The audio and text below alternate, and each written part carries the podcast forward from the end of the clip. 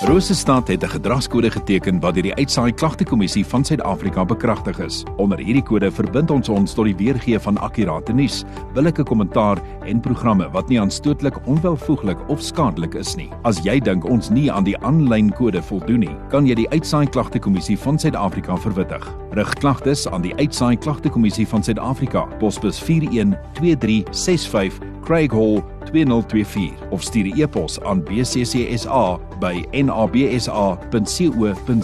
Vir verdere inligting, besoek www.bccsa.co.za.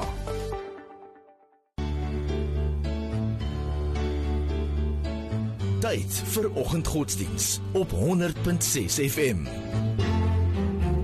En die atelier saam met my en Elde het ons dan nou ook vir Dominee Frans Oosthuizen NG Kerk Universitas Wes. Dominee, welkom. Baie dankie Cyril, is weer eens 'n voorreg om hier by julle te mag wees. Kom ons kyk so 'n bietjie die dag van vandag. Waarna kyk ons? Waar het gaan ons lees? Cyril, ek werk eh, in my pastorale praktyk net daarop om mense te help om by God tot rus te kom. So ek wil weer asseblief uh, Matteus 11 vers 28 tot 30 gebruik en uh, ons gaan 'n bietjie meer prakties kyk hoe kom 'n mens by God tot rus.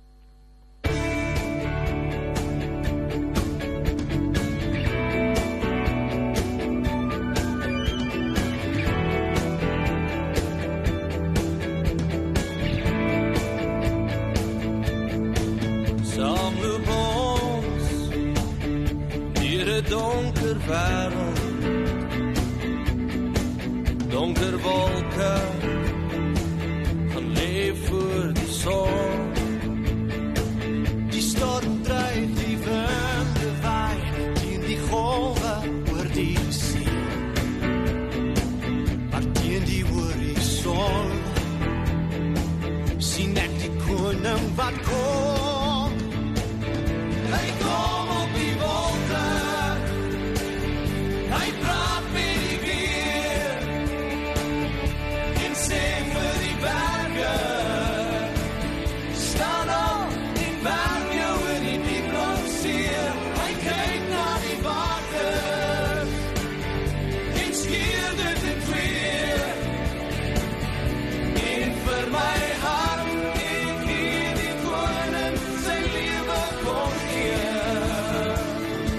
Sy lewe kom gee.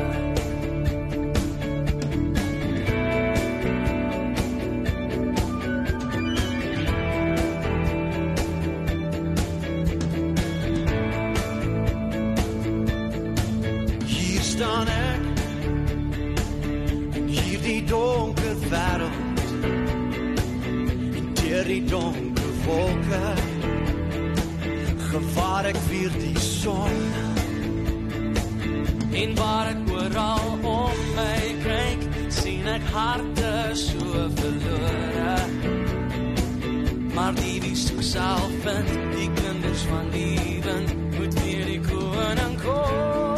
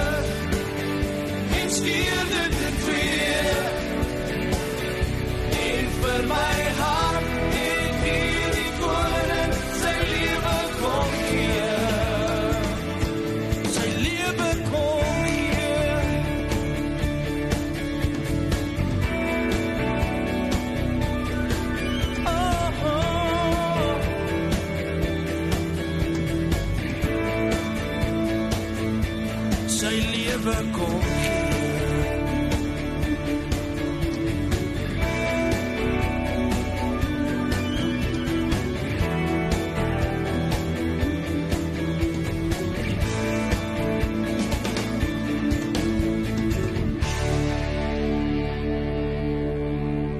Voordat ons lees uit Matteus 11 vers 28 tot 30, kom ons raak net so 'n bietjie rustig. Ehm um, sluit ons 'n bietjie af en en fokus op die Here.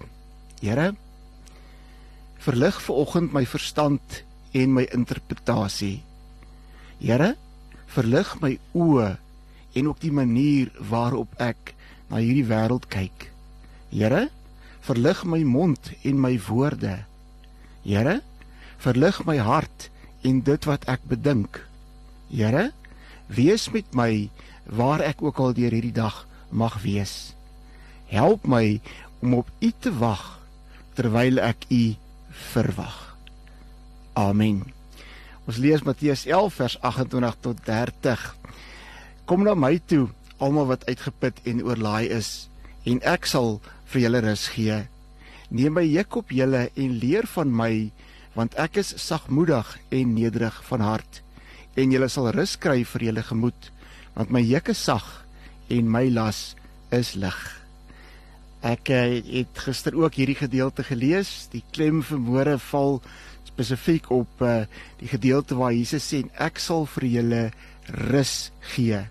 En so 'n bietjie verder sê hy en julle sal rus kry vir julle gemoed. My juk is sag en my las is lig. Vraag vir môre is hoekom hierdie klem wat Jesus op rus en rustigheid lê.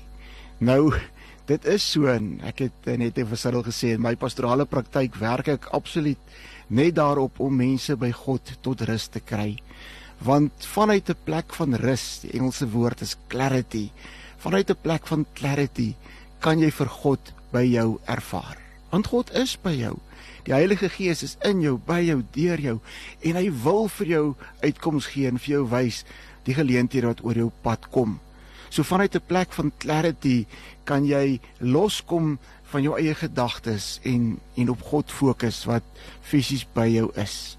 Jy kan kalm bly en jy kan die geleenthede wat God bring raak sien en jy hoef nie meer deur jou emosies beheer of gevange gehou te word nie want of jy het jou emosies of jou emosies het jou en uh, vanuit 'n plek van vrees, angs, depressie dan word jy deur jou emosies beheer en het jy nie beheer oor jou emosies nie.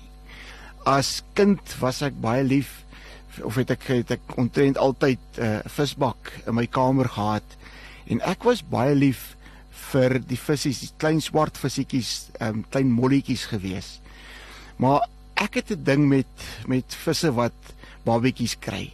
En daarom as ek die geleentheid gehad het om saam met my ma na Bloemfontein toe te kom en uh, ek kom met die pet shop dan dan het ek altyd gaan kyk watter mollies is die naaste aan pop. Een van my vriende het gesê jy moet kyk en dan moet jy sien wat jy sien.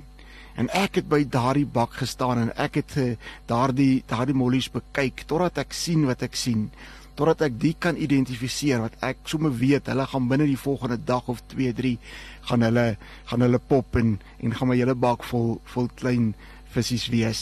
Ek uh, ek kan maar so 'n bietjie breek daaroor. Ek was nogal redelik goed daarmee gewees. Maar in elk geval as ek net klaar die visse so bekyk het, dan roep ek die dame met haar netjie en dan wys ek vir haar watter mollie ehm um, my gekose molly dan is.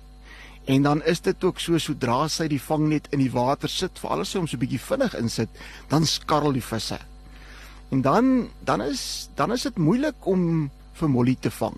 Ja, sy sal 'n molly kan vang terwyl al die visse so deurmekaar swem, maar dit gaan 10 teen 1 die verkeerde molly wees, want ek soek vir vir 'n spesifieke molly.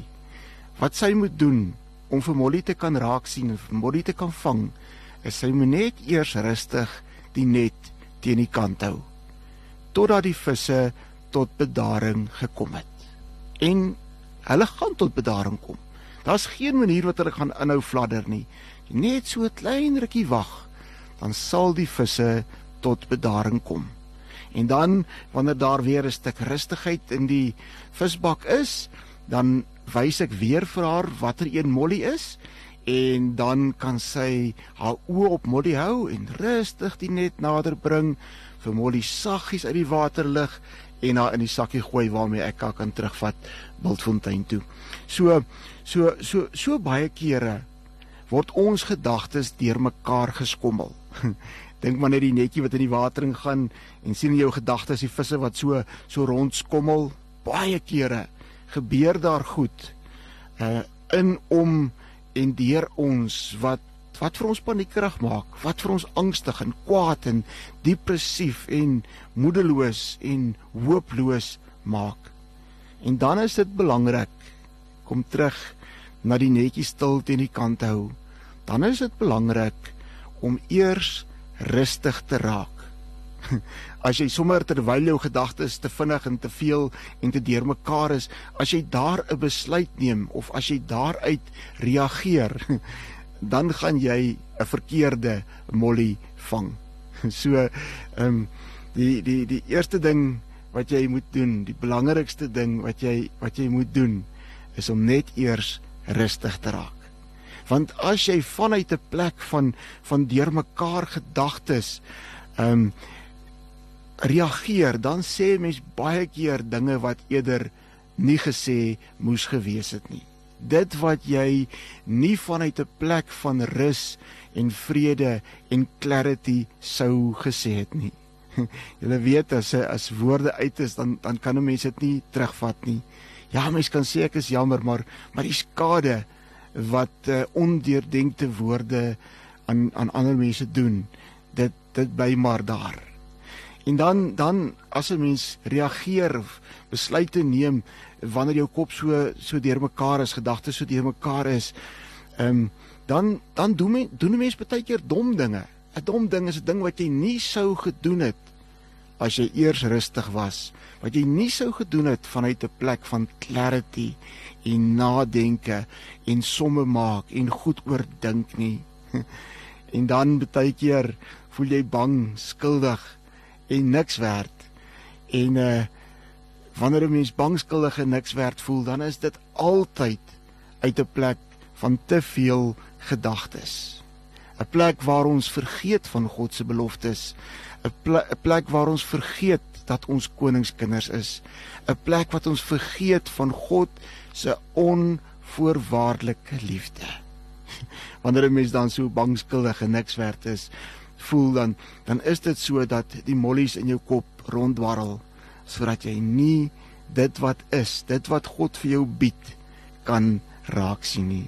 En Jesus nooi jou vandag daar waar jy om watter rede ook al soms uitgeput en oorlaai is. Kom sê hy vermoere vir jou, kom na my toe.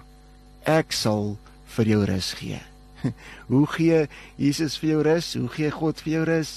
In die eerste plek as ons kyk na die na die die die mollies wat skarrel in die bak. Die belangrikste is om net eers te besef om te sien en agter te kom dat die die gedagtes te veel en te vinnig is. Sodra jy dit kan erken, kan jy mos weet ek hoef nie nou, ek mag nie nou reageer nie.